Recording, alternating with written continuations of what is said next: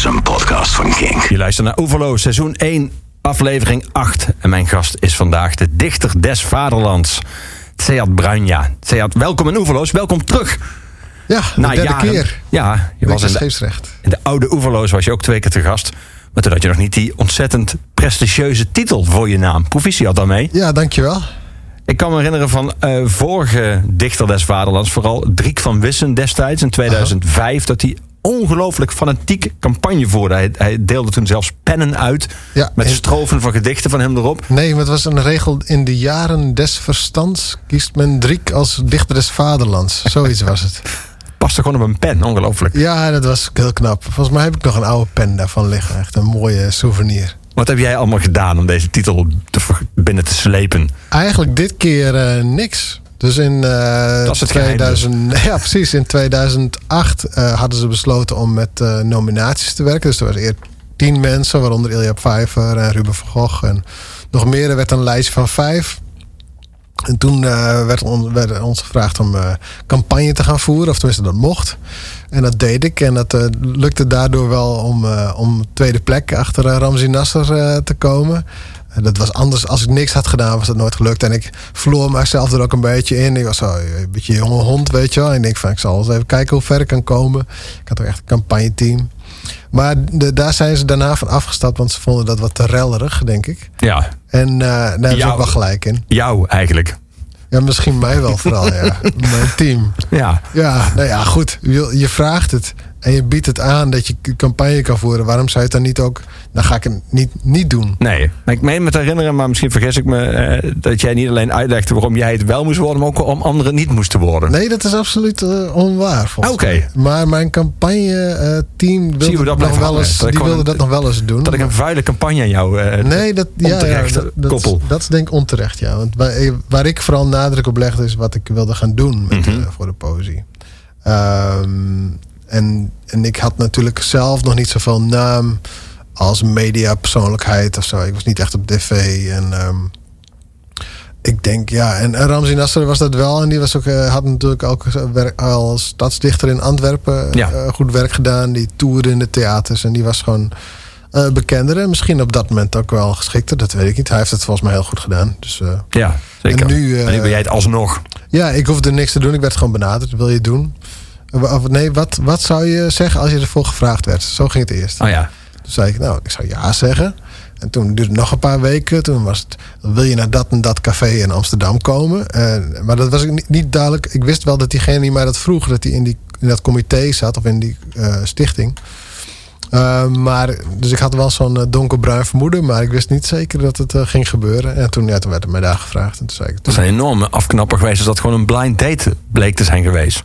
ja, dat was wel heel naar geweest. Ja, ja, ja. We gaan het wat zeg je? Ik was er ook wel klaar voor om gewoon door te gaan met. Ik bedoel, ik, ik eh, verdien al jaren eh, de kosten als dichter. En Ja, dus niet dat je nou eh, als niet-dichter des vaderlands bepaald stil hebt gezeten. Nee, ik heb genoeg gedaan, inderdaad. Ja. We gaan het hebben over poëzie de komende twee uur, over popmuziek en over poëzie in popmuziek. En we gaan natuurlijk heel veel muziek draaien die uit jouw platenkast, of in dit geval virtuele platenkast. Heb jij een echte platenkast nog eigenlijk, of niet? Ik heb, denk ik, ehm, vast wel meer dan 3000 CD's of 4000. En, en ik heb ook heel veel platen nog, ja. Je hoort niet dat die mensen die de CD allemaal hebben weggedaan. Nee, dat vind ik heel raar. Want, Ja. nee, omdat wanneer je gewoon een goede installatie hebt, dan is het echt niet zo dat de CD slechter klinkt dan een plaat. Je moet gewoon fatsoenlijke spullen hebben. En dan. En ik groeide op in de jaren 80 zo. Eind jaren 80 kreeg ik wat zakgeld. En dan waren cd's waren heel duur, weet je wel. Die waren 40, 40 gulden, gulden. ja. Dus daar moest je echt voor sparen. En dan ontdekte hij een plaat. Dus de, de eerste eh, plaat van Marillion die ik kocht, Misplaced Childhood, in zo'n longbox. Dat, die waren dan uit Amerika gekomen. Er was een stukje uitgezaagd ook, want dat was dus beschadigd. Die mocht je, kon je dan voor 25 gulden kopen bij de Put in eh, Leeuwarden. Eh, en dan dacht ik, oeh, dat is wel heel hard. En, want ik was vooral omdat de koptelefoon daar keihard stond. En die nam ik dan, dat was echt zo'n risico dat je nam. En dan Ja. kwam je mee thuis en dan ging in één keer zo'n wereld voor je open. De wereld van het album. En, eh, ik ben echt een albummens. Ja. Even goed voor ons om dat te weten, ja, de komende twee uur. Dat heel veel nummers die jij eh, hebt uitgezocht zijn voor jou, zie je niet als singles, maar dat zijn onderdelen van een album. Absoluut, ja. Geldt dat ook voor het nummer waar we mee gaan beginnen. Hot Scary Summer van Villagers. Ja, ik denk het voor mij wel. Omdat ik uh, niet zoveel radio luister. En misschien wel eens een clipje voorbij zie komen op een van de vele clipzenders. Maar uh, dit album uh, heb ik echt als album inderdaad ontdekt. Ja, dus er zijn veel meer nummers op die ik ook die ik bijna even goed vind.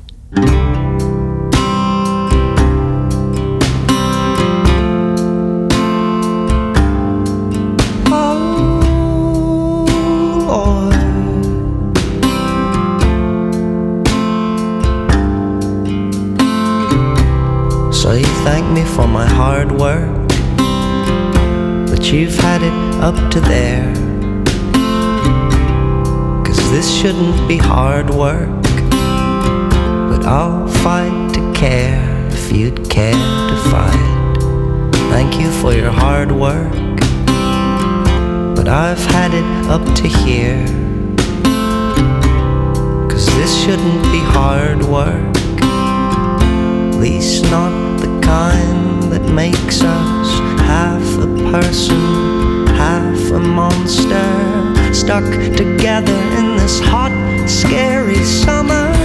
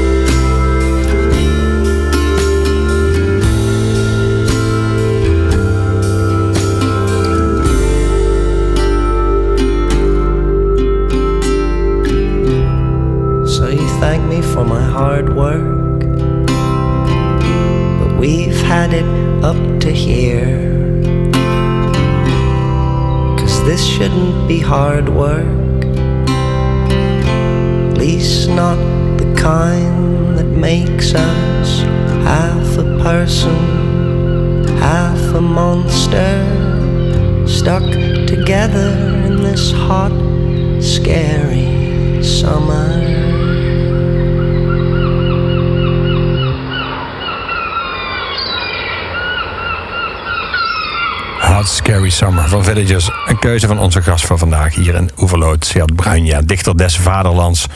Nou, heel mooi. Ja, een mooi nummer hè. Dat uh, All the Pretty Young Homophobes. Dat is toch een geweldige regel.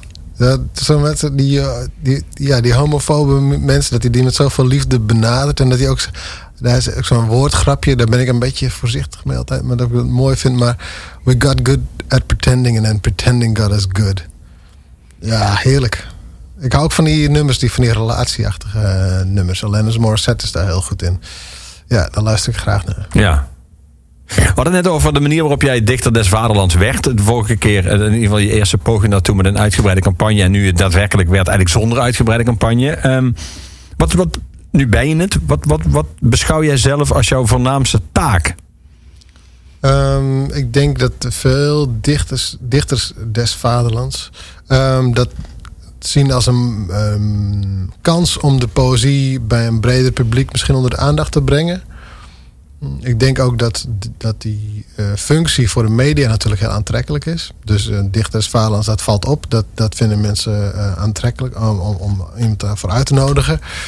Ik merk het nu ook bij, bij de opdrachten die ik krijg. Dus voor het Scheepvaartmuseum ga ik een gedicht maken. Bij een nieuwe galerij die geopend wordt. Ook een beetje over de donkere kant van de Nederlandse geschiedenis. Mm, en, van de VOC-mentaliteit. Ja, precies. Die verschrikkelijke VOC. Doen, doen, doen zelfs normaal. ja, daarover. En, ik denk, en je, kunt, je schrijft zes gedichten per jaar voor de NRC. Ja. Die zeer prominent worden afgedrukt ook. Ja, en, en die zijn natuurlijk uh, meestal, dat zijn meestal geëngageerde gedichten. En iedereen heeft een andere vorm van engagement. En bij mij is het denk ik vrij links. Um, dus ook al een rechte dichter des Vaderlands gehad? Volgens mij eigenlijk niet. Nou, misschien dat uh, Driek van Wissen wel iets rechtser was. Dan weet ik eigenlijk niet. Ik zou die gedichten nog eens na moeten lezen en uh, analyseren. maar dat moet, dat moet ook zeker kunnen, vind ik. Want het is natuurlijk, het is niet zo dat, dan, dat je zegt dat het hele land zo moet zijn, maar wel dat dat is waar je vandaan komt en dat, dat mensen daarop kunnen reageren. Ja. Ik zeg niet dat ik de wijsheid in pacht heb. Ik zeg alleen, dit is mijn achtergrond, dit is mijn cultuur. Ja. Daar sta ik voor. En vind jij dat jij, uh, nu dichter des vaderlands bent, dat je dan ook het volledige vaderland dient te vertegenwoordigen in jouw poëzie? Ben je ook de dichter van iedere anonieme troll op Twitter en iedere klimaatontkenner en iedere... Nee. Nee, iedereen die de, de ondergang des avondslands voorziet enzovoort. enzovoort. Nee. Nee, ik wil wel misschien een beetje naar ze luisteren, maar ik ga echt niet al die tweets en al die. Want ik kreeg na mijn eerste gedicht ook al reacties. Zag ik eh, op geen stijl stond geloof ik een stuk, maar ik heb het niet gelezen. Ik word daar ook niet vrolijk van. Ik heb er niks aan. Uh, prima dat die mensen zich mogen uiten, maar waarom, ja, wat moet ik daar verder mee? En nee, ik geloof niet dat ik voor iedereen ben, maar ik ben wel voor. Uh, ik ga me echt inzetten voor de streektalen en dialecten. En ik ga een bloemlezing maken. Uh, ik ben net uh, naar een nieuwe uitgever verhuisd. En uh, daar ga ik waarschijnlijk een hele dikke bloemlezing maken. De, eigenlijk, de, ik noem het de eerste bloemlezing van de Nederlandse poëzie. Want het wordt namelijk de eerste bloemlezing waarin ook het Fries, maar ook het Limburgs, het Drents, papiament, uh, papiaments en al die andere dingen. En ik wil misschien nog wel kijken of we misschien Suriname en dan Tillen echt mee kunnen nemen. Echt een, een inclusieve bloemlezing maken. Die het echte verhaal van de taal in Nederland vertelt. En niet het verhaal van die ene dominante taal, het, het Nederlands. Ja, dat is. Uh, je hebt al eerder bloemlezingen samengesteld. Ja. En er zijn ook al verschillende pogingen gedaan om een soort van algemene indruk in ieder geval te vergaren van Nederlandse poëzie. Maar dat is ongelooflijk veel lees- en selectiewerk. Ja, ja, dat was een heel leuk idee. En ik ga er heel veel spijt van krijgen. Denk ik. Ja. We gaan daar verder praten. We gaan muziek draaien. We gaan straks over dat nummer hebben waarom je het zo mooi vindt. We gaan er eerst naar luisteren. Eva van Pelt is haar naam en het nummer heet Roes.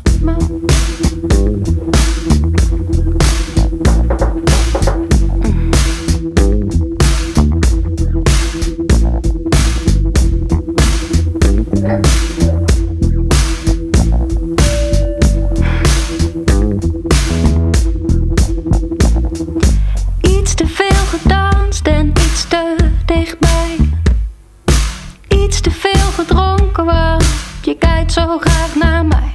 Mezelf iets te veel vergeven. Eén keertje kan geen kwaad. Ik mag toch ook een beetje leven. Moest maar eens gaan, het is al laat.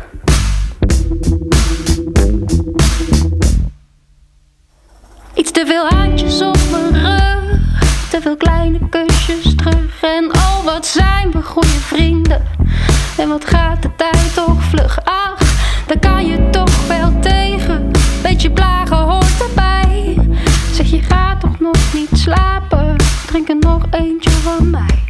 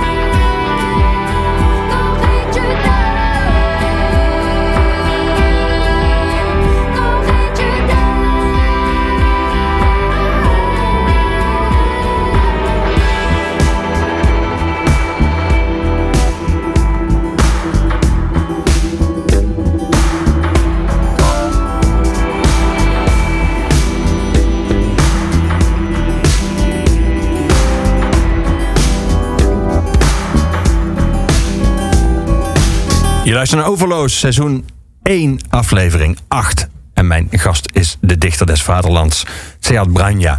Um, Eva van Pelt, die kende ik nog niet. Waar, waar, heb je die leren kennen? Bij een concert van Harold K. Harold K, daar gaan we straks uh, ook naar luisteren. Singer-songwriter uit Utrecht. Ja, uh, tegenwoordig Amsterdam, uh, maar hij zingt in het Limburgs. En ik denk dat zij op zijn plaat meezong. En daarom bij, het, bij de presentatie van die plaat, dat was in de ruimte in Amsterdam... Uh, daar ook een paar nummers van de eigen plaat zong. En ik vond het echt fantastisch. Um, heel brutaal. Heel speels. En ook bij dit nummer, die, die bas gewoon die je hoort, die is zo sexy eigenlijk. Ja. Dat nummer gaat uh, over twee vrienden die eigenlijk uh, waar meer tussen speelt. En het is interessant, die muziek vertelt eigenlijk al het verhaal. Die vertelt al waar het naartoe gaat. De muziek is dus alleen maar seks eigenlijk. En, het, en, en de tekst gaat over van nou, nog eentje drinken dan. En ja, oké, wat te veel handjes op mijn rug. Ja, ik vind dat ernstig. kan zich ook echt goed overgeven. Ja, ik vind dat uh, bewonderenswaardig en gewoon heel erg mooi. Ja. En hoe werkt dat dan? Je ziet iemand dan live en dan ga je meteen uh, het album checken of meteen al kopen zelf? Oh, ik heb gewoon haar uh, gevraagd van heb je cd's bij je? Dus dan koop je een cd. Ja. Voor een tientje of zo volgens mij. Oh, er was een actie ook. Volgens mij zei Harold Kade toen... Ja, als je mijn plaat koopt... en dan krijg je die plaat voor minder erbij, zoiets. nou ja, dat voordeeltje maakte mij niks uit. Ik wilde echt gewoon die plaat hebben. Je hebt toch zelf ook ooit in een cd-zaak gewerkt, of niet? Ja, in, een, uh, in het Carillon. Dat was uh, in Groningen. Dat, uh, vlakbij de Martini-toren. dat was een van de oudste plaatzaken van Nederland, volgens mij. Van voor de Tweede Wereldoorlog. Um, en daar stond ik... ik wilde natuurlijk heel graag op de pop... Maar ik, de, daar was geen werk, maar wel de klassieke afdeling. Oké, en wist je toen al iets van klassieke muziek? Een beetje, want ik weet nog als jongetje van 15, ik was echt een tv-kind en dus dan keek alles ongeveer. En dan keek naar Reiziger in de Muziek, zo'n programma op zondagochtend. Ja, VPRO. En daar was dan een, uh, volgens mij een live opname te zien van een pianist die Rachmaninoff speelde, een pianoconcert. En die had volgens mij een witte blouse zo herinner ik me, en, en, een leren broek aan. Een beetje Jim Morrison, maar dan uh, pianist. nou ja, dat vond ik wel uh, te gek. En, en, en, ik was gewoon zo geïnteresseerd in muziek. Dat, ik, ik, dat is nog steeds, ik sta echt voor alle genres bijna wel open. En ik denk altijd van, ja, wie ben ik nou om daar een mening over te hebben? Laat ik dat eerst maar eens een keer gaan beluisteren. En, uh, en zo uh, leer ik het wel een beetje kennen. Maar in die winkel moest ik natuurlijk heel aanpoten. Ik moest echt. Ja, veel, veel klassieke muziekliefhebbers zijn ook wel kenners die komen ook wel, ja. uh, die weten ook wel precies wat ze zoeken. En... Ja, dus uh, nou, wat je dan. was een handig trucje namelijk. Je had de, uh, de Penguin Guide to Classical Music, zoiets. En daar stonden dan in een beetje wat gezien werd als de beste opnames. Dus als iemand daar ergens om vroeg, dan ging ik in dat boek echt zo nou, dikker dan een oude telefoongids. Twee keer zo dik. En dan uh, ging ik gewoon op bezoek. Zeg, nou, dit moet je volgens mij luisteren. Dan uh, waren echte luistercabines van die hokjes waar mensen dan in gingen. En, uh, en ondertussen draaide ik tijdens mijn werk draaide ik, uh, allerlei muziek. Uh, en dan werd de baas, een beetje oude baas, die hield daar niet zo van. Want ik draaide dan ook gewoon hele heftige dingen, weet je wel van die muziek die dan de strijkkwartet vanuit een helikopter werd gespeeld. Dus een ongelooflijke bacteriën. ben je ooit nog gepromoveerd of gedegradeerd? Leg maar aan wie, wie dat waarschijnlijk beziet naar de popafdeling? Uh, nee, maar uh, daar werkte, of nee, bij mij in de uh, winkel werkte wel iemand die in de pop nu een journalist geworden is. Dus Klaas Knoeihuizen. En dus wij komen elkaar wel eens tegen op een podium. En ik lees altijd zijn stuk en denk, oh ja, we hebben samen in diezelfde winkel ja. gewerkt. Leuke stukjes in oor onder andere. Ja, een revue. Zeer actieve ja. popjournalist. Ja. ja. We gaan dadelijk luisteren naar het eerste gedicht dat jij schreef jouw hoedanigheid van Dichter des Vaderlands. Eerst nog gaan we naar muziek luisteren, een keuze van jou. Uh, Casey Musgraves met Oh What a World. waarom zij? En vooral waarom dit nummer? Ik hou ook ik hou van progressive rock en ik hou van klassieke muziek en heel ingewikkelde muziek. Maar ik hou ook heel erg van goede, gladde pop en van country. Ik denk, mijn, mijn, mijn vader stond Jim Reeves in de kast en Johnny Cash, dat was het zo'n beetje. En, uh, en dit is dan een soort popmuziek met, met invloed, of country met pop-invloeden, een beetje Daft Punk Air-achtige invloeden met vocoders en zo. En, en ik vind het ook, het is een heel mooi liefdesliedje. En op dit moment ben ik verliefd, dus uh, tijd voor een goed liefdesliedje. Dus iedere dag word je wakker en zeg je, oh, what a world. Precies. What a world, I don't wanna leave. all kinds of magic.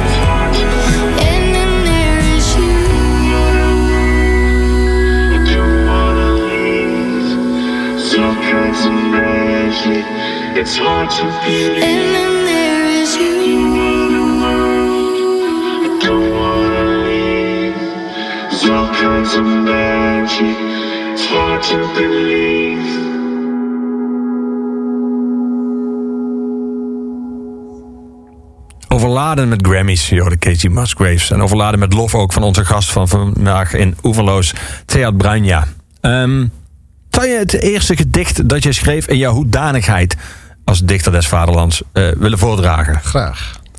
Voor volk en moederland. Nederland, je gaf mij een dubbele tong en vruchtbare grond waar ik tuintegels overheen leg. Ik zwoer dat ik de hark en spaar in de schuur zou laten, maar nu zie ik overal onkruid. Straks moet ik nog ondergronds om het met wortel en tak uit te roeien. Nederland, ik ben niet tegen je gepolder bestand. Je heupen zouden alles kunnen oplossen, maar ze zitten op slot. Nederland, zo wat als de grond verzakt onder onze voeten. Ik balanceer al jaren tussen hier en de overkant. En zie ze daar niet veel anders doen. Er is ruimte op de dansvloer. En er zijn manden van beschaving waar we samen doorheen kunnen vallen. Liefste, bankieren, klier, mijn, oh Vasselijn, paas me die kruiwagen AUB. Er is een schuldberg die we moeten voeden. Ik spuug in mijn handen en duw hem in de zweetjous aanschijns een mestvaalt op. En bedel gedwee om een hypotheek. Nederland, je gaf ons in de wereld waterwerken. Baggeraars, bruggen en bordeeleigenaren die bonnetjes schrijven waarop ze een onderneming een brasserie noemen. Je bent mijn breer, boeter en green het sies. Mijn favorite slippery motherfucker ben je. En dat pakken ze ons nooit meer af. Nederland, ik ga van je vaderland een moederland maken. Op de operatietafel met jou en je grote paddenstoel. Het mes erin, we gaan ruimte maken. Ik zeg kaching tegen je kassa Nederland. Samen laten wij ons de nagelkaas mooi niet van het brood eten. Ik ga je een grote dienst bewijzen door te slapen met een ander. Misschien moet Leeuwarden je hoofdstad blijven en ga ik Vlaanderen bezetten. Dat vuurtje tussen ons gaat anders in één klap uit.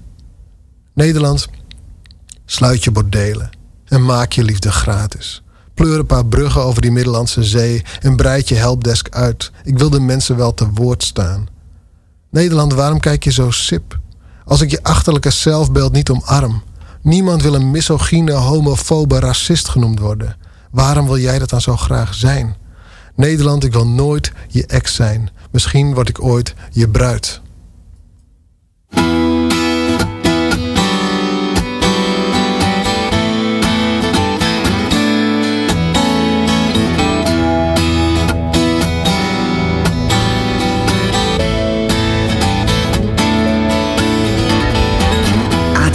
Page from the book of faces. Throw your letters in an open fire.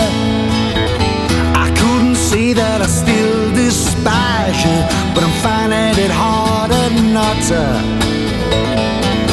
After all that was said and done, it's time this thing was over. Did I want you to change your mind?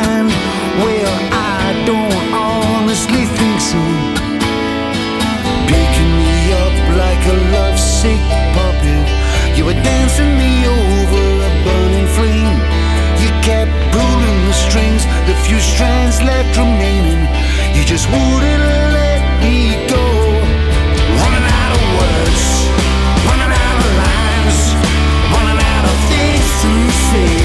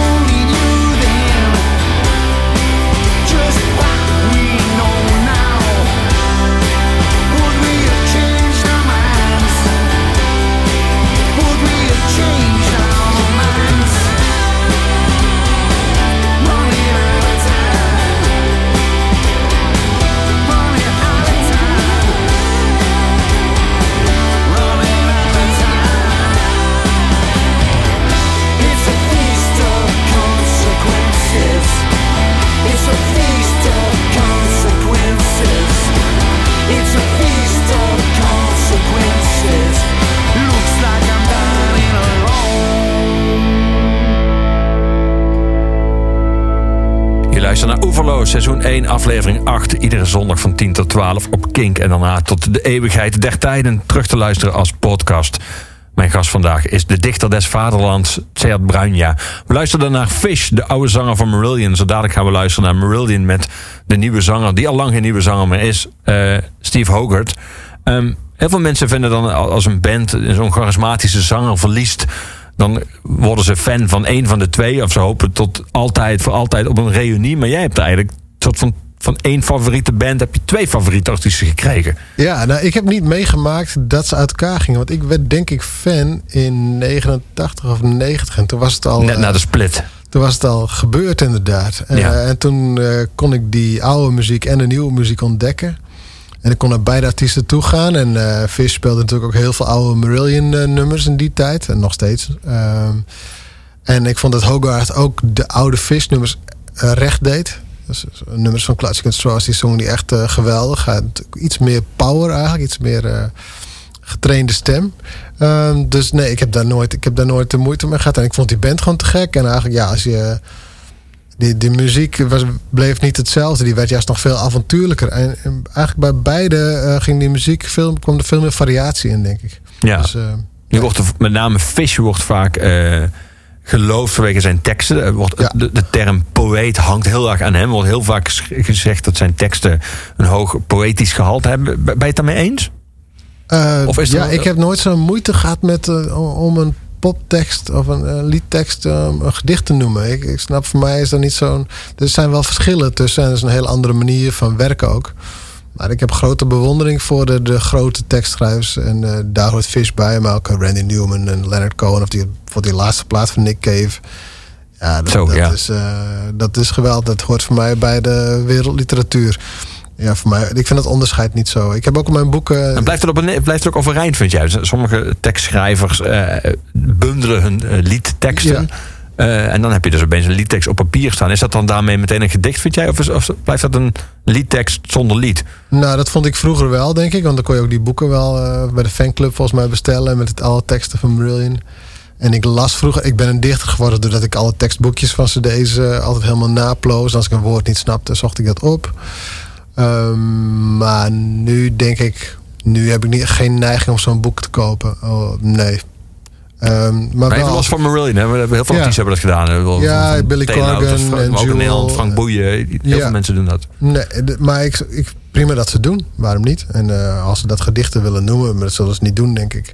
Maar ik vind dus de, de combinatie van een tekst en de muziek en hoe- eh, hoe die zich tot elkaar verhouden en versterken. Ja, dat is iets om jaloers op te zijn, natuurlijk als dichter. Omdat Ja. je dan, eh, nou, dan heb je dat zelf ook geregeld gedaan. Je hebt vaak Ja. opgetreden met muzikanten. Ja, en ik ga nu eh, ook eh, waarschijnlijk werken met de componisten des vaderlands, Calliope uh, Tsupaki. En mm, ik vind dat heel spannend om met muzikanten te werken. En ik heb een keer een cover opgenomen van een Bob Dylan nummer in het, in het Fries. met de muzikant Jaap van Keulen. Dat was ontzettend leuk om te doen. Ehm, nee, dus ja, het kan toch prima naast elkaar bestaan. Ik snap niet zozeer dat mensen dat dan... dat ze dan iets negatiefs daarover willen zeggen. Van dat, blijft, dat het niet overeind blijft. Anders is het gewoon een naslagwerk. In de kunsten toch wel vrij veel. En je hebt dan zo te horen niet zo'n last van veel territoriumdrift. Ja, nee, daar heb ik helemaal geen enkele last van. Ik vind ook het woord gedicht op een boek eh, totaal onnodig. En je hoeft het ook geen gedicht te noemen. Het is gewoon tekst. Ik ben met taal bezig. En kijk maar wat je mee doet. Lees het gewoon. We luisterden net naar Fish. We gaan nu luisteren naar zijn oude bandleden met Steve Hogarth als zanger. Living in Fear is het nummer. Dat is het titelnummer van het laatste studioalbum eh, van Marillion. Eh, Fear staat voor eh, Fuck Everyone and Run. Ehm, ze hebben dat hele album integraal gespeeld een paar jaar geleden in de Royal Albert Hall in Londen. Met, een, met, met enkele, aangevuld met enkele klassieke muzikanten erbij. En daar, dat hebben ze ook uitgebracht, dat concert. En dit is de versie van dat album. Ben, ben, je, ben je van de live albums?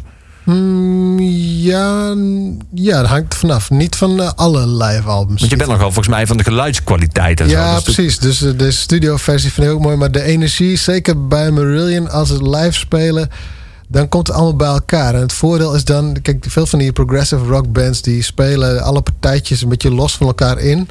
En dat is op de platen wel mooi, maar je mist dan een beetje dat het helemaal in elkaar gaat, zeg maar.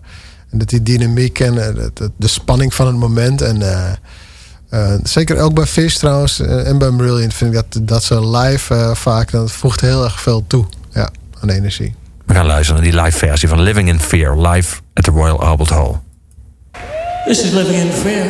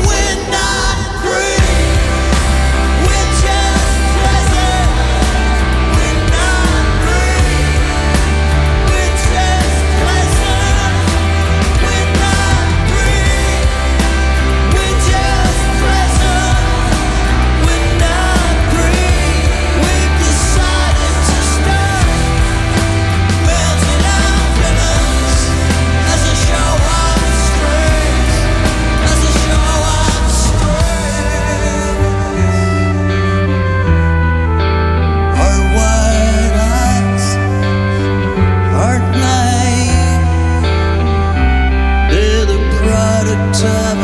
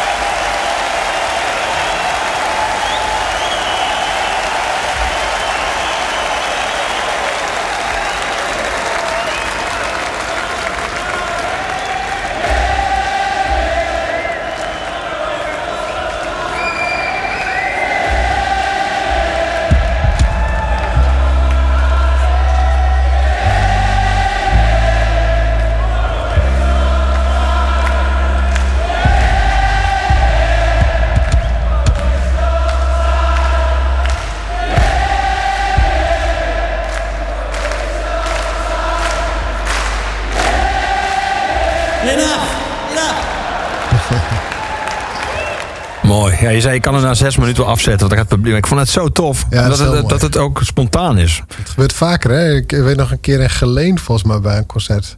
Toen ging ook steeds weer het dak eraf. Het publiek van eh, de fans van Marillion... die kunnen die band soms echt ongelooflijk ver optillen. Ja. En sommige bands gaan dat zelf natuurlijk faciliteren... door het Ja. nummer zo op te bouwen dat je eigenlijk min of meer erin valt als publiek. Maar hier gebeurt het eigenlijk andersom. En ze zingen ook nog redelijk zuiver. Ook dat nog. Dus dat scheelt. Jij hebt zangles, hè? Zing jij zuiver? Eh, probeer ik. Is het moeilijk? Ja, zingen is heel moeilijk. Vooral omdat het heel veel over ademhaling gaat en over loslaten. En ook over, je- om je, over jezelf laten zien. En dat vind ik als dichter op een podium niet zo moeilijk. Dan kan ik ook wel losgaan, zeker met de muzikant erbij. Maar eh, naast de piano bij mijn eh, zangdocent Aukje Bakker... eh, die echt geweldig is. Ook streng? Nee, eigenlijk niet. Juist heel positief. Oké. Het is ook natuurlijk geen doel. Hè? Ik bedoel, het doel is wel om beter te leren zingen. Maar het doel is niet van ik moet mij klaarstomen voor een concert of zo. Ehm, maar ze is ook wel streng. Ja, ze, ja, ze, is wel, ze, ze corrigeert me wel wel als ik ergens eh, de kantjes ervan afloop. Maar het is wel erg, ah, ja, erg aanmoedigend. Ja. En, ehm, Maar is dat een reden dat jij... Want je, we hadden het net over... eh, je liet horen Casey Musgraves. En, en, eh, die, die heeft veel prijzen gewonnen... en veel positieve recensies gekregen. Maar er is ook wat kritiek... Er was laatst volgens mij op tv zelfs kritiek op het feit dat, dan, dat mensen het te glad vinden. Maar jij, Ja. jij, jij, jij benadrukte dat, dat zij zo goed zingt. Ja, ik En vind dat, dat- ze heel goed zingt. dat ook. Ik vind het een hele mooie stem. En eh, wat ze doet is volgens mij eh, echt niet makkelijk. En, en dat geluid, ik hou van een karakter in de stem. En dat zit er heel erg in. Ook al wordt daar dus nu een dik effect of... eh, ja, volgens mij helemaal niet zoveel autotune. Maar ja, die volheid van die stem... en die eh, misschien ook flexibiliteit van die stem... Ja. Een beetje dat, een beetje languid, een beetje zo, eh, hoe zeg je dat? Een beetje lui eh, soms. Ehm, ja, die combinatie bij haar vind ik heel, vind ik heel spannend. Ik heb echt het idee dat mensen daar, daar niet helemaal goed naar luisteren. Ja. We zojuist hoorden dat het publiek bij Marillion dat zo enthousiast meezingt. Eh, jij was daar niet bij, bij dat specifieke concert in de Royal Albert Hall, wel tijdens die tour. Ja. Ben jij dan een van die mensen die zo hard en hartstochtelijk mee staat te zingen? Eh, Wat voor soort concertganger ben jij? Ja, nou, ik weet wel, bij de meeste concerten moet je een beetje vooraan staan bij Marillion. Want anders dan sta je tussen de kletskousen. Bij heel veel concerten moet je überhaupt vooraan staan, anders sta je tijdens de kletskousen. De Dutch disease, daar moeten ze nog eens een antibiotica voor eh, uitvinden. Ja, vaccinatie bij mij. Iedereen een, prikje. En die wil ik wel graag geven dan. en, eh, maar eh, nee, ik sta wel ver vooraan. Ik sta ook wel mee te zingen. Maar ik, ik ben wel altijd heel bewust van mezelf. Dus ik kan mij daarin ook niet helemaal overgeven. Want dan denk je... Ik heb ook wel eens naast iemand gestaan. En die zong dan heel erg vals mee. Ja, dat, dat trek ik dan toch niet. Maar wel hartstochtelijk waarschijnlijk. Ja, dus die heeft heel erg genoten. Maar hij verneukt het voor mij. Ja. Maar, maar stilte en opgaan in het concert, al en niet met meezingen, maar in ieder geval niet, Ja. niet zeg maar een avond ouwe hoeren met een band op de achtergrond. Dat is duidelijk niet wat jij... Ja, dat vind ik echt verschrikkelijk. Ja, Ik wil gewoon er naartoe gaan. Ik wil opgaan in de muziek. Dus ik ga ook niet heel veel naar concerten. Juist omdat ik eh, mij dan eh, eh, heel vaak sta te ergeren aan, eh, aan andere mensen. Maar als je dan een beetje ver vooraan gaat staan. eh, en ik weet nog dat ik met eh, mijn grote vriend Peter Lutz... met wie ik eh, vroeger muziek maakte. Een soort bandje. Met vier sporen recorder met zo'n cassettebandje. Daar eh, gingen we een keer naar Fish Akoestisch in Groningen. En toen lag er zo'n handdoek op het podium, weet je, van waar hij zijn gezicht mee afdroog. Maar er was ook een fles wijn omgevallen, want Vis die had altijd de gewoonte om uit de fles te drinken eigenlijk. Witte wijn meestal. En eh, dus wij waren helemaal bezweet en gingen met die handdoek onszelf zo afdrogen. En eh, toen zaten we onder de witte wijn. Ja, dus zo'n soort eh, fan wijn. ben ik ook wel, concertbezoeker. We gaan muziek draaien. Zie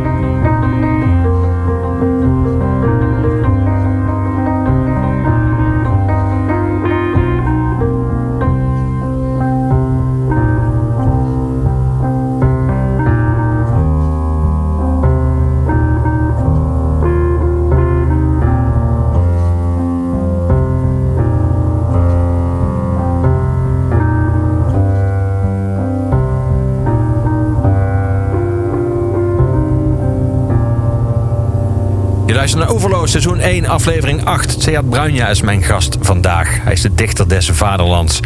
En ik zei Zia, maar het is voor jou gewoon Zea. En jij kan het weten. Ik weet het niet zeker, maar misschien is het wel in elk land anders. Want hij treedt overal op. Hij komt uit Friesland, hè? Ja, uit uh, Makkum. Zijn label heet ook Makkum Records.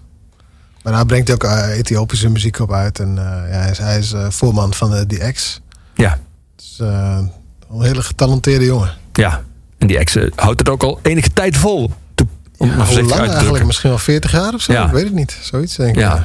Nou, het speelt nog. Een, ja, jij bent nog laatst geweest in de Melkweg. Ja, dat was een geweldig concert. Met eerste Ethiopisch uh, circus. Met uh, iemand op een, uh, op een eenwieler die op, over het podium stuiterde. begeleid door een Ethiopische band. Met drie muzikanten. En daarna met een soort stijger waar ze op hinkelden. En een vrouw die haar hoofd echt helemaal tussen de benen kon leggen. En, en toen moest die ex nog beginnen. Ja, dat, dat, was, en, die, en die gingen ook dan na een paar nummers gingen ze samenspelen met uh, die Ethiopische band. En die, die combinatie was, uh, was grandioos. De zaal ging helemaal los. Ja. Een eigen label. Jij hebt een eigen, ja, een eigen uitgeverij vroeger. Ja, ja. 2 plus 2 is 5.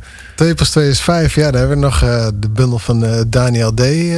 uitgegeven. Waardeloos. Ja. Mooi titel. Ja, dus dat was in die tijd... Kijk, ik begon en ik wilde graag mijn poëzie uh, gepubliceerd zien. En dat was in 97, denk ik. En dan ging ik praten met Bart van Droog. Eh, in Groningen studeerde ik en, eh, en hij had Rotten Staal publicaties. Zijn bundels verschenen wel bij Passage, maar eh, Groningse uitgever. ja. En, en hij zei van, ja, ik wil, wil jij niet mijn bundel uitgeven? Of een soort eerste boekje had ik dan. En toen zei hij, nee, je moet gewoon zelf een uitgeverij beginnen. Dat is heel makkelijk. Je vraagt gewoon het aan, je laat je registreren. En, dan, dat, en je vraagt een ISB-nummer aan per bundel. En dat heb ik toen gedaan. En daar heb ik eigenlijk maar twee bundels volgens mij uitgegeven. Maar dat was wel leuk om te doen. Omdat, Je was je tijd ver vooruit eigenlijk. Want van die 1 miljoen mensen in Nederland die aan een roman werken... zijn er volgens mij uiteindelijk 900.000 die hem gewoon zelf uitbrengen. Ja, En jij deed dat toen al. Ja, ik denk dat wel meer mensen dat deden hoor. Maar eh, ja, ik deed dat toen. Ja, Do Het it eerste- yourself. Ja, het eerste boekje was met, eh, met vier dichters.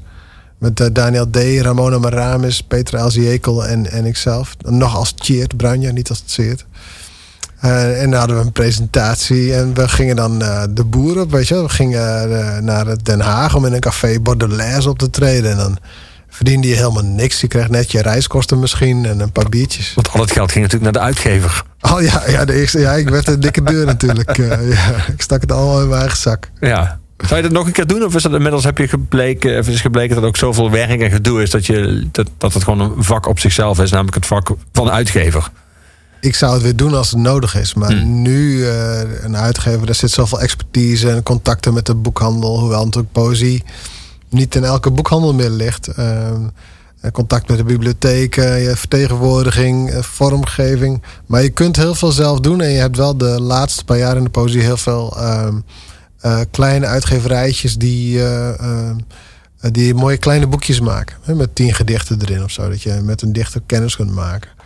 Eh, Joost Baas, die de VSB en de, en de Buddingprijs, twee belangrijke prijzen heeft gewonnen, heeft ook bijvoorbeeld eh, een paar mooie boekjes uitgegeven. Je hebt Ton van het Hof en Leeuwarden, die, eh, die, die ook uh, Stanza heet die uitgeverij. Volgens mij, heeft Frank Keizer, dat is een van mijn favoriete jonge dichters, heeft hij uitgegeven. Die bundel heet The Dear World, Fuck Off, Ik Ga Golven. Echt een aanrader. Een mooi titel ook trouwens. Ja, soort Donald Trumpiaans levensmotto bijna, als het niet Ja. ironisch zou zijn geweest. Ja, ook een beetje natuurlijk eh, Fuck Everyone and Run Ja. hè, van Marillion. Ja. Dus Ja. eh, ja. Ja. Veel Friesland, eh, ook jouw muziekkeuze, jouw muziekliefde, ook altijd geweest jouw poëzie. Maar je, je woont zelf in de Randstad. Ja. Hoe, hoe heb je dat, hoe heb je dat verdeeld? Al dan niet in je hoofd? Oh, daar hoef ik niet zoveel moeite voor te doen. Ehm, want ik kom nog heel veel in Friesland om op te treden. Dus ik heb ook veel aan Friesland te danken. En eh, ik ben door in het Fries te gaan schrijven ook een betere dichter geworden. Ik schreef eerst het Engels eigenlijk. eh, Ja. en daarna in het Nederlands en toen in het Fries. Ehm, dus dat Fries, dat leeft in mij. En ik hoef er niet de hele tijd daarvoor eh, erin te zijn. En met mij. Als ik naar mijn zus eh, een WhatsAppje stuur, dan stuur, stuur ik dat in het Fries. Zij soms in het Nederlands terug, want dat vinden ze lastig. Maar ze kunnen het wel goed lezen. En, ehm, en die muziek, ja, het is wel zo. Als ik zo naar Zea luister of naar Nienke Laverman in het Fries... dan raakt me dat wel nog eens een keer extra diep... omdat het in mijn taal is. De taal die mijn ouders met mij spraken... en waarin ik opgroeide eigenlijk, ja. Wij, laten we naar haar gaan luisteren, dan gaan we dan verder praten.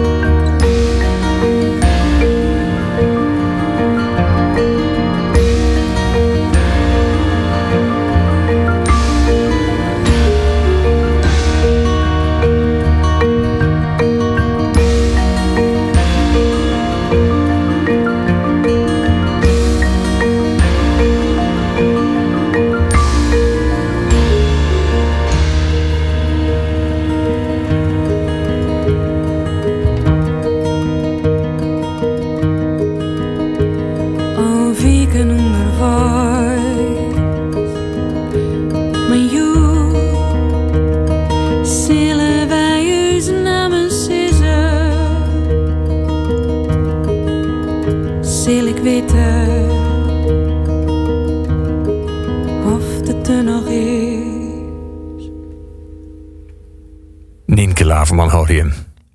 Zeg, als je dit hoort, wat, als je dit, vooral de taal hoort, wat, ben je dan weer waar je vroeger was? Of, of ben, je dan, ben je dan weer thuis? Of ben je dan weer, eh, ga je dan 30 jaar terug in de tijd? Wat, wat, is, wat is het voornaamste effect van het horen van het Fries voor jou?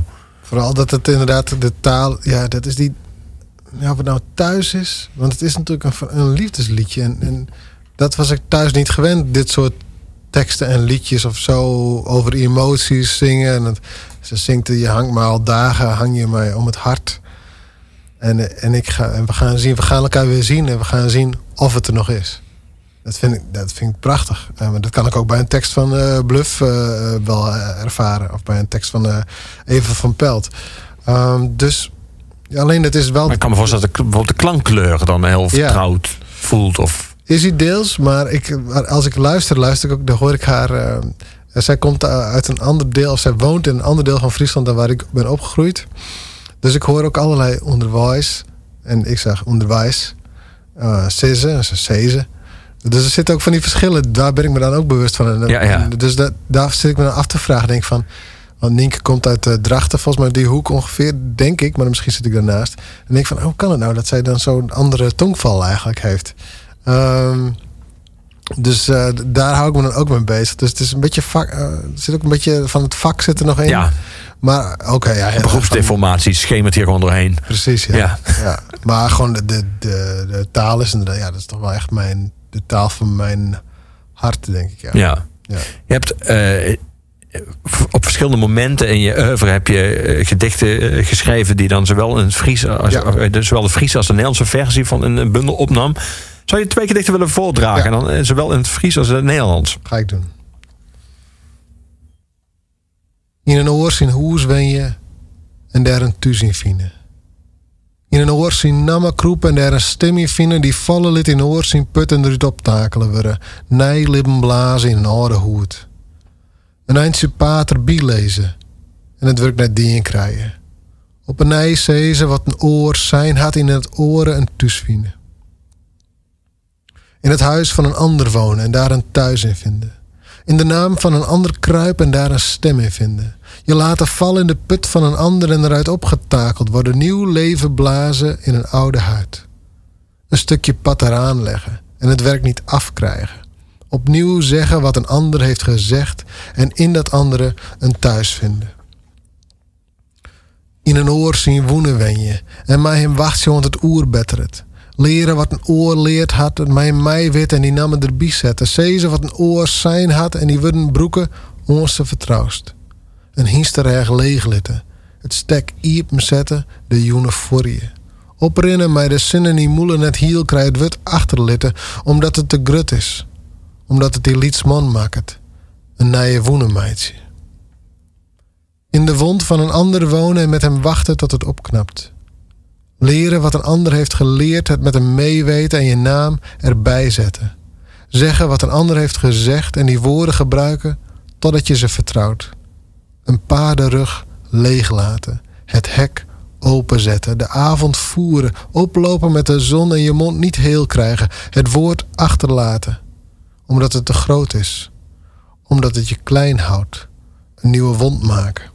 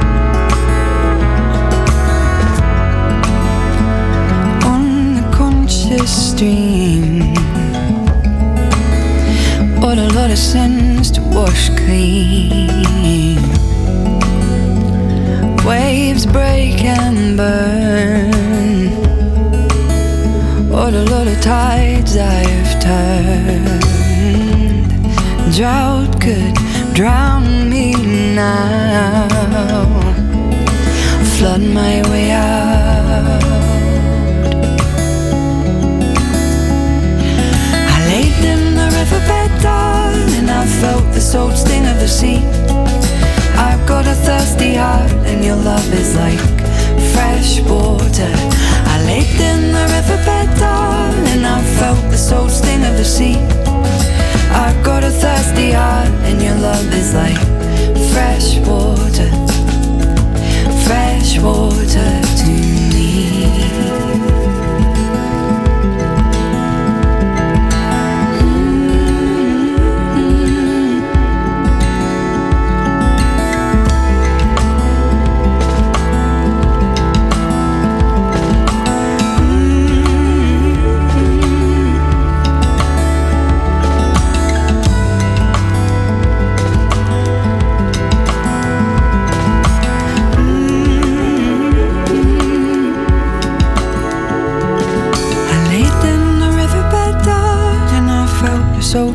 The sea. I've got a thirsty heart, and your love is like fresh water. I laid in the riverbed, darling, I felt the salt sting of the sea. I've got a thirsty heart, and your love is like fresh water. I laid in the riverbed, darling, I felt the salt sting of the sea. I've got a thirsty heart, and your love is like fresh water. I laid in the riverbed, darling, I felt the salt sting of the sea. I've got a thirsty heart, your love is like fresh water,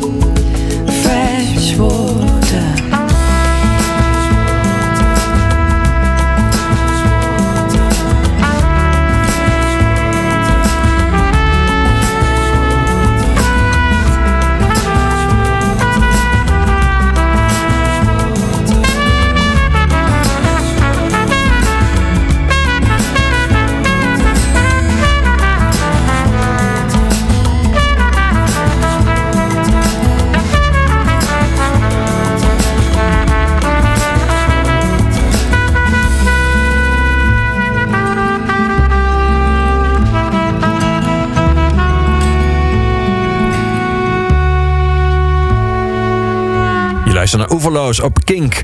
Mijn gast is Seat Bruinja, dichter des vaderlands. De komende weken overigens hier in Oeverloos. Volgende week Aafke Romein, schrijver en zangeres. De week erna onder meer Lucas Hirsch over zijn nieuwe roman Joost de Vries. Over zijn nieuwe boek over pretentie en noodzaak om enigszins pretentieus te leven.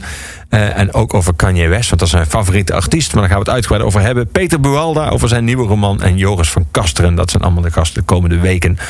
Maar hier en nu in de studio van Kink bij Overloos, Seat Bruinja. Seat, je, je zei helemaal in het begin van de uitzending al... ehm, nu je dichter des vaderlands bent, krijg je ook eh, van allerlei verschillende hoeken opdrachten, of aanvragen in ieder geval, om Ja. eh, gedichten te schrijven. Een, een, een opdracht, zoals het dan heet. Nu, heb jij, nu ben je een van de niet zo zeer vele eh, dichters in Nederland die al jaren leeft van de, van de pen, van, van, eh, Mhm. van poëzie. Wat betekent dat je al gewend bent aan een opdracht eh, Ja. gedicht te schrijven. Is dat altijd te doen? Kom je daar altijd wel uit? Of heb je ook wel eens opdrachten gekregen waarvan je dacht, nou, dit, dit, dit gaat hem echt niet worden gewoon? Ja, dat heb ik wel eens ge- gehad. Ik ben eh, twee jaar lang eh Dongera-dichter geweest. Dat is de gem- dichter, gemeentedichter van de gemeente Dongeradeel, waar Dokkum eh, in ligt. Een beetje de buurt waar ik ook vandaan kom. Dat was een soort voorproefje dan misschien voor Dichter ja, absoluut. Ja. Ja. en de gedichten die ik net voordroeg, die heb ik ook daarvoor geschreven toen. Maar in het begin moest ik een gedicht schrijven over de fusie van de gemeenten. Er werden drie gemeenten bij elkaar gegooid. Ik neem aan dat net zoals waar ik vandaan kom in Limburg, daar iedereen tegen was. Tegen ja, de fusie. ja de, de, het was een beetje zo'n Gallisch dorpje... wat dan op laatst nog verzet biedt. Eh, eh, de, de, de gemeente Dantemedeel, waar ik echt vandaan kom... die wilde niet eh, meedoen aan de fusie, geloof ik. En maar ja, daar moest ik dan een gedicht daarover schrijven. En dat... Ja, wat moet je daarmee? Dus ik heb toen wel een gedicht gemaakt... maar het was gewoon niet zo heel goed. En dat is dan wel... hoe, stond jij zelf in die fusie? Of was, was niet iets waar jij elke dag je hoofd over brak? Ja, het boeide mij ook nog eens helemaal niet. Dus Dat, dat dan- helpt ook niet echt, denk ik. Dat helpt niet, nee. nee. Dus ik heb toen eh, een soort anekdote gevonden van mijn vader... die in de ja, eind jaren 60 bij een eh, eerdere fusie van een aantal van een dorp... eh, drie dorpen die- waar één dorp van werd gemaakt... eh, daar het woord, eh, of nam, heel kort... maar dat kon je daar vinden in het archief van de Leeuwarden Courant. Maar laatst heb ik een... Misschien is dat wel aardig om voor te lezen... dan moet ik het wel even opzoeken. Maar een gedicht geschreven... Voor mensen denken, wat hoor ik nu ritselen? Je hebt voor jou ligt een, een soort dikke, dikke map. een map met allemaal uitgeprinte... Het, het heeft iets oldschools wat je voor je hebt. Is geen... Ja, ik ben niet zo van de telefoon is, het is voorlezen. de voorloper van de iPad, zeg maar, die hier op tafel ligt. voor de oudere generaties. Maar dat gedicht zal ik misschien voorlezen. Dat, ik werd gevraagd namelijk door een, eh, eh, een, een Jurgen Redkus, heet hij volgens mij. Een Leeuwarden. En die is voor de directe democratie. En die, hij was de eerste die me uitnodigde, volgens mij, eh, als dichter des vaderlands. En hij zei... Jij bent er toch ook voor de directe democratie, namelijk dat een wetsvoorstel zodra door de Tweede en de Eerste Kamer gegaan is, dat dan het volk nog de kans krijgt om via soort referendum zo'n wetsvoorstel aan te nemen of af te wijzen. En dat was wel een onderwerp die dacht, oeh, dat is weer zo'n fusieachtig onderwerp. Kan ik daar iets mee? Maar eh, daar heb ik eh, dit mee gedaan. Het gedicht heet Inspraak. De waarheid hebben we in pacht. De wijsheid hebben we uitgeleend aan mensen van wie we de onkunde net wat kleiner achten dan de onze. Dat levert vreemde wetten op. In Frankrijk mag je je eigen varken niet Napoleon noemen. In Australië is het verboden het dier dat je gaat opeten een naam te geven. In China mag je iemand die aan het verdrinken is niet redden. Dat gaat in tegen hun lot. Je mag in Chicago niet eten op een plek die in brand staat. In Nederland is het verboden inbreker op te sluiten op het toilet. En blijft je schoonmoeder na de scheiding voor eeuwig je schoonmoeder, ook al heb je er meerdere. Er schuilt grote schoonheid in de wet. En nog groter in directe democratie. Dus kom een opstand volk dat buigen vreemd is, ontwaak en houd u krachtig. Eis naast de kamers en lobby's je eigen plein van inspraak. Dan kunnen we samen bij een fikkend pandje Napoleons eten. En onze schoonmoeders redden van verdrinking. Om hen vervolgens te kunnen opsluiten met de inbreker op het toilet.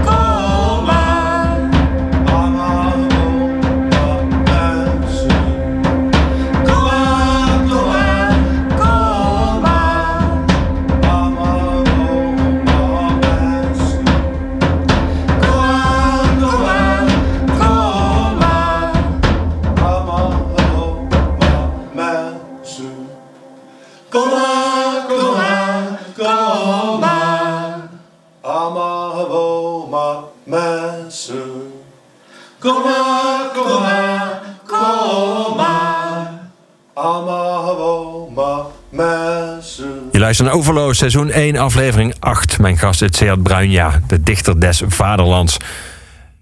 Krijg je druk, denk je, zo, die komende twee jaar? Dat denk ik wel. Ik hoor dat van alle vorige eh, dichters wel eh, in die functie. Dat ze het heel druk hebben gehad. Dat ze het heel zwaar hebben gehad, ja. En je voelt natuurlijk ook een beetje... namen zij afscheid en waren ze blij dat ze het stokje konden overdragen. Ja, volgens mij wel. ja, je Ja. voelt ook een beetje de druk natuurlijk van je collega's. Hè, die, Ja, die wordt steeds groter, want het zijn grote namen op wiens schouders jij inmiddels staat. Ja, en, je- en je maakt werk een opdracht. En dat is natuurlijk niet altijd even makkelijk en niet altijd even geslaagd. En ze- dit moet natuurlijk op tijd af. Dus eh, je weet dat iedereen eh, zit mee te lezen en daar ideeën over heeft. En eh, ik denk ook heel veel mensen die dit hebben gedaan, die zeggen ook wel dat de gedichten die ze toen hebben geschreven misschien niet tot hun beste werk horen. Ehm, maar ja, dat is ook prima toch? Het is gewoon een opdracht, het is in het moment en die functie heeft het op dan ook. Dus ik vind dat niet zo'n groot probleem. Ik merk wel dat mijn agenda is voller qua optredens dan het een poosje geweest is. Maar Ja. het is bij mij nooit heel rustig geweest. Maar het is wel iets, iets voller, ja. Ja. En vind, vind jij, eh, wil jij ook, zou je ook je stijl aanpassen om, je, om poëzie die dan nu eh, in, in principe voor een groter publiek, eh, in ieder geval waar een groter publiek mee in aanraking zal komen, om die voor een groot publiek behapbaar of begrijpelijk te maken? Of is jouw stijl jouw stijl? Punt. Ja, ik denk dat ik niet één stijl heb. Dus ik schrijf gedichten die heel erg vanuit een soort taalmuziek voortkomen. Ehm, bijvoorbeeld in een gedicht staat... eh, hij gebruikt zijn stomweg beter. En die stomweg is dan een soort ander woord voor stem. Eh, en, en is een, ja, maar ik schrijf ook hele toegankelijke gedichten... zoals dat gedicht van net eh, over de directe democratie... of het gedicht, het eerste gedicht dat in de NRC stond... voor Volk en Moederland. Mm, dus combinatie. Het, kan, het hangt van het onderwerp ook af. Hè? Als, Ja. de- maar ik wil wel graag die ruimte hebben om ook eens misschien een gedicht te maken dat wat minder toegankelijk is eh, te schrijven. Maar op dit moment eh, heb ik dat nog niet gedaan. Maar ja, het is ook maar nog net begonnen. En ja, ik, ik, een toegankelijk gedicht. eh, dat is ook moeilijk om dat, goed, om dat goed te doen. Dus daar zit ook wel genoeg uitdaging voor mij als dichter in om, om dat netjes. niet netjes, om het, om het een beetje spannend op papier te krijgen. Er zit overal poëzie in. Hoe bedoel je dat in elk Nou ja, onderwerp? Ja, in ieder onderwerp. Want je hebt natuurlijk, eh, er zijn natuurlijk gewoon Ja. gebeurtenissen in een jaar die zo belangrijk zijn dat Ja. ik me kan voorstellen dat jij dat dat het moment is waarop jij geacht wordt met een gedicht te eh, komen. als eh, Beatrix komt te overlijden of van een paard valt misschien. Ehm, dat zou kunnen. Ja, ik weet het niet. Ik denk het wel. Ik denk dat, dat je, je... Je zoekt een... Ik heb wel vaak nodig om een soort persoonlijke insteek te vinden. Dus... Je hebt ook boeken geschreven hè, over mensen. En dat is fijn wanneer je een leven hebt waar je over kunt schrijven. Wanneer je bijvoorbeeld interviews kunt, terug kunt kijken en mensen hun uitspraken, zodat je dichter bij iemand komt. En ik heb dat voor de EO gedaan, voor Dit is de Zondag, zo'n programma op eh, zondagochtend. En dan kon je echt in iemand verdiepen en dan kon je als cadeau een gedicht teruggeven. Dat is eh, wel wat ik heel graag doe. Dus als je een groot onderwerp hebt, een maatschappelijk onderwerp, dan is het.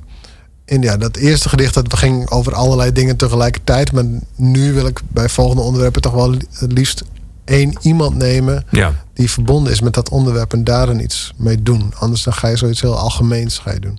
Wat me lastig lijkt is dat ik, ik misschien vergis ik me, maar ik zou me kunnen voorstellen dat je vaak geacht wordt redelijk zeg maar, op de huid van een gebeurtenis met een gedicht te komen. Maar Ja. die gebeurtenis is dan ook voor jou nog zo recent dat hij nog niet is ingedaald of nog niet Ja. een soort van eh, zijn plek heeft gekregen die tot poëzie moet leiden. Ja. Je moet eigenlijk als het, zeg maar, als het bij het overlijden van een prominent iemand, als het lijken nog warm is, moet je al de pen te hand nemen. Dat is best Ja, vroeg. bij een ramp, hè, kan ook. Ja. Dus eh, ik wij hoorde gisteren van iemand die vertelde over het gedicht dat Anne Vechter schreef naar MH, ramp met MH17. Eh, dat zij daar toen al eh, van de Russen, eh, de Russen al noemde. En dat, dat daar allemaal mensen toen over zijn gevallen. En het blijkt natuurlijk gewoon dat het de Russen ook zijn geweest. Ja. Ehm, ja, daarin kun je een fout maken. Maar dat, heeft, dat is ook mijn nieuws. Dat is ook een beetje de journalistieke kant van het schrijven in opdracht. Dus je kunt er een keer naast zitten of je kunt. ehm, je had misschien meer tijd willen hebben om over na te denken. Maar er zit ook iets heel puurs in die eerste reactie. En ook iets heel waars en waardevols, denk ik. Dus Mhm. ik maak me daar eh, niet heel veel zorgen over nog. Maar moeten we, over twee jaar moeten we maar weer eens praten daarover. Ja, gaan we zeker doen. We gaan muziek draaien van iemand die je al noemde. Want ehm, Eva van Pelt, die we toen straks draaiden... die zag jij, vertelde je, toen zij met deze singer-songwriter... eh, oorspronkelijk uit Limburg en nu woonachtig in Amsterdam eh, speelde. Harold K. Hoe, hoe ken je hem?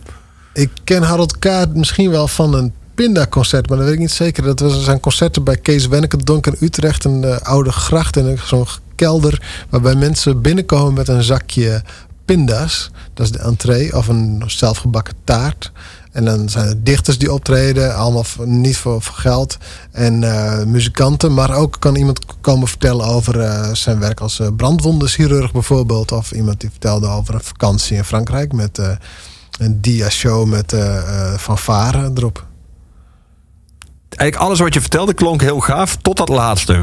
Ja, dat was toch heel erg leuk. Oké, Want dat is ook dat is door ik herinner me nog dia-avonden van mensen die terugkwamen van vakantie... of toen de video Ja, dit opkwam. waren- was dat je dan fanfare. een ongeëdite vakantievideo van 2,5 uur zat te kijken. Hoe heet het ook alweer met van die stokjes? Die, eh, Tambour, tambouretten.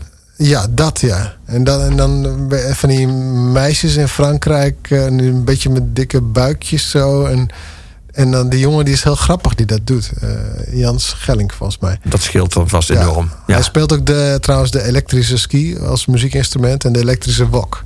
Dus dat maakt wel weer toch hè, dat je denkt dat je nieuwsgieriger wordt naar zijn dia-show.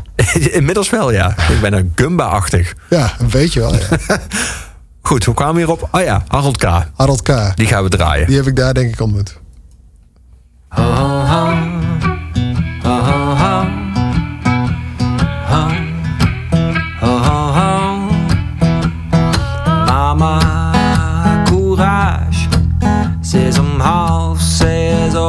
opgestaan.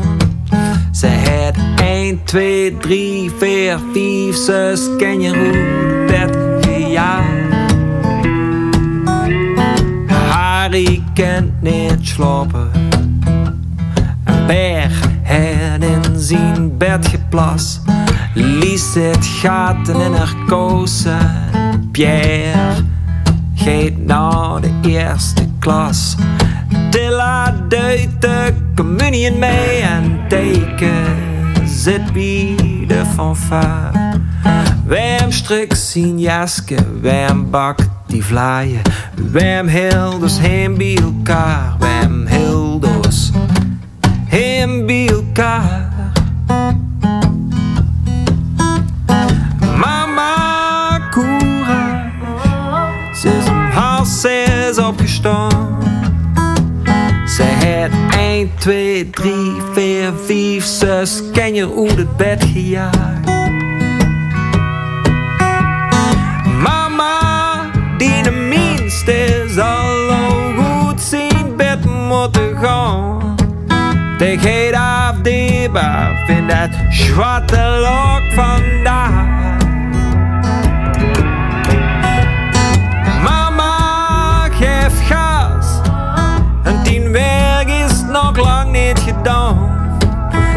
Zelfs moeten poetsen totdat het hoes weer in zien voegen kraakt. Mama, courage. Geen huks kunnen verslaan. Die boet van dich, die boet, die moet aan kant gemaakt. De berg van hummus hongerboksen. Ze wringt de gruus van de koel uit de weg. En de pastoor is gisteren langs geweest. Er is hier vast nog wel een plekje in dit nest. Haar lakens in de witste in de stroot. Ze zijn de witste van de ganse kolonie. En wat heeft ze gebutteld? Grutsch op die lakens, kijk ze door hangen op een rie. Netjes, netjes een rie. Mama courage, mama courage. Ze had zes kenjer, zeven,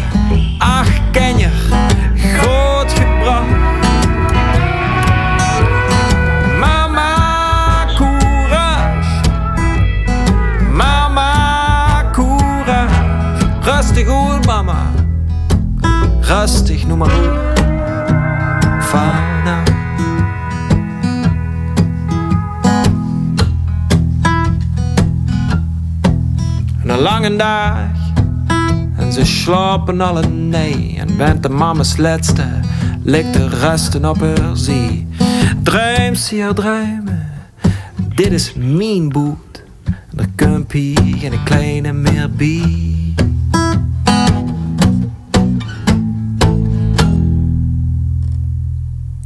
Mannen Courage hoor je van Harold K. Een keuze van mijn gast vandaag in Oeverloot, Seat Bruinje, de nieuwe dichter des vaderlands. Ik had ook hip-hop verwacht eigenlijk. Oh ja. Vooral omdat, eh, nou ja, de, de- de hip-hop en spoken word en poëzie toch wel allerlei raakvlakken hebben. Merk ik je dat? ook wel hip-hop, maar niet, niet heel veel. Maar ik, ja, dus ik, ik check het een beetje en ik. Is dat als jij bij, op, op scholen kom je natuurlijk ook zeer geregeld. Is dat dan een, een, een ingang vaak bij jongeren? Via Ehm, hip-hop, een soort van Ja, taalliefde ik kom te- eigenlijk niet zoveel meer op scholen. Vroeger heel veel. Nu kom ik één keer per jaar in Tilburg op een school. Oké. Het jaar lyceum. Eh, maar het zou goed kunnen. Ik, eh, wat laatst heb ik geluisterd naar Fresco. En dat nummer Kreeft vind ik Ja. echt eh, fantastisch, ja. Maar ik, en ik eh, kijk graag documentaires, dus ook wel over Tribe Called Quest. En, en dan ga ik dat ook wel luisteren. En dan luister ik het één, twee keer. En Kendrick Lamar heb ik natuurlijk wel in mijn kast staan. Maar dan luister ik dat en dan hoor ik Kamasi Washington, eh, de saxofonist, spelen. Dan ga ik juist die plaat luisteren. Jazz heeft dan toch iets meer in mijn eh, voorkeur. Maar nee, absoluut. Er worden geweld, echt, de, er worden heel veel nieuwe dingen uitgevonden in de hip-hop eigenlijk. Ja, Dat is zeker. Nederland natuurlijk ook zo. Ja. Grappig, als je dat zo omschrijft, dan noem je al meteen drie, vier artiesten die de een brengt jou dan tot de ander. En als je die andere hoort, dan denk je, ah, dan kan ik die ook eens checken. Ja, zo werkt het weer, voor mij. weer vier cd's erbij. Ja. Hoe heb jij ze gerubriceerd eigenlijk? Om dan nog een soort van Oh ja. systeem in te houden... waar je, als je een cd wil draaien, hem ook kan vinden. Ik denk eh prog rock staat bij mij een beetje bij elkaar. Eh Marillion en Fish staan apart bij elkaar. Het, ik heb echt mijn eigen systeem, maar de jazz en de klassiek staan wel allemaal bij elkaar. Maar voor de rest, eh, ik heb een soort, ja, dat klinkt een beetje raar, misschien een soort vrouwenhoekje. Waar eh, allemaal go- goede Sarah McLachlan en zo staan. Die vind, ik- dat vind ik heel mooi, Alanis Morissette. Eh, mijn ex-vrouw had een eigen plankje. Die had een, een paar cd's. Maar die staan nog steeds eh, in, in, in het huis. en eh, die hoeft dus niet mee, want ze heeft Spotify. En eh, ja, zo is het een beetje verdeeld. En, en ik heb echt een aparte paar planken met... eh, ik ben een, echt een audiofiele nerd. Ik heb allemaal super audio cd's en dvd audio en blu-ray audio. Dus dat staat ook allemaal bij elkaar. Dus van die, ik hou heel erg van, eh, van die surround eh, remixen... die dan 5.1 door je hele kamer eh, Ja. galmen. Het is een beetje zo'n cd-kast die alleen... waar jij, alleen jij iets zult terugvinden. En alle andere mensen zich zullen afvragen... wat is hier het systeem? Ja, alhoewel eh, Nederlands en eh, Vlaams staat ook een beetje bij elkaar. Oké. Ja. ja, dus eh, ja, het systeem is wel te doorgronden en ethisch dingen, zoals Tears for Fears, George Michael, Wham, eh, Simply Red, Blue Nile, staat ook een beetje bij elkaar. Ja. ja. Iedere aflevering van Oeverlozen eindigt met onze vaste huisdichter. Dat is Luc de Vos. Dus het laatste nummer is dadelijk voor Gorky. Ik ben aanwezig. Maar zou ik jou daarvoor mogen vragen om ter afsluiting van eh, het gesproken gedeelte van Oeverlozen nog één gedicht voor te dragen? Ja, ik lees de titelgedicht van de bundel die in juni gaat verschijnen. En die bundel heet Ik ga het donker maken in de bossen van. Je moet me loslaten, zegt het bos, de oude man. Jij weet niet wat het is dat ik dan los zou laten, zegt het bos, de jonge man. Ik zag een geest opgebouwd uit geesten die met elkaar vrijden en streden. Een schokkend lichaam dat dan eens de armen ter hemel wierp in extase en dan weer misselijk op haar knieën lag. Ik zag een zieke mens met een glimlach en stak mijn hand door de broze botten van zijn slappe ribbenkast. Ik zocht medicijn.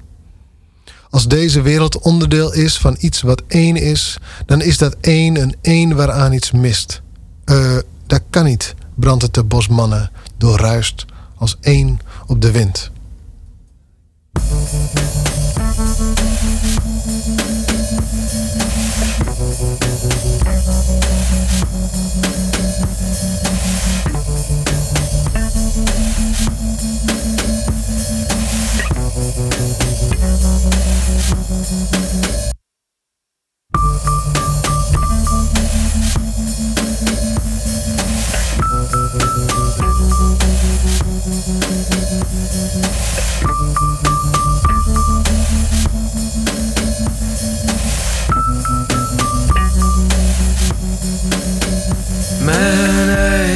steun. Verklaring. Waarom ik niet kan komen.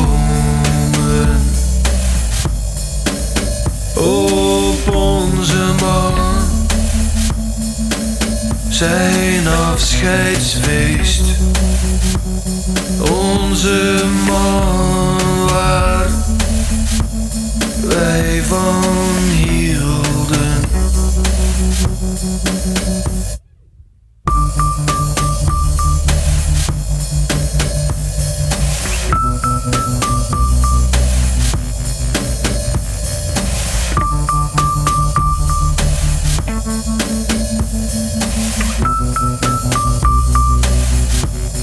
er zal geweest zijn. En tanden geknars,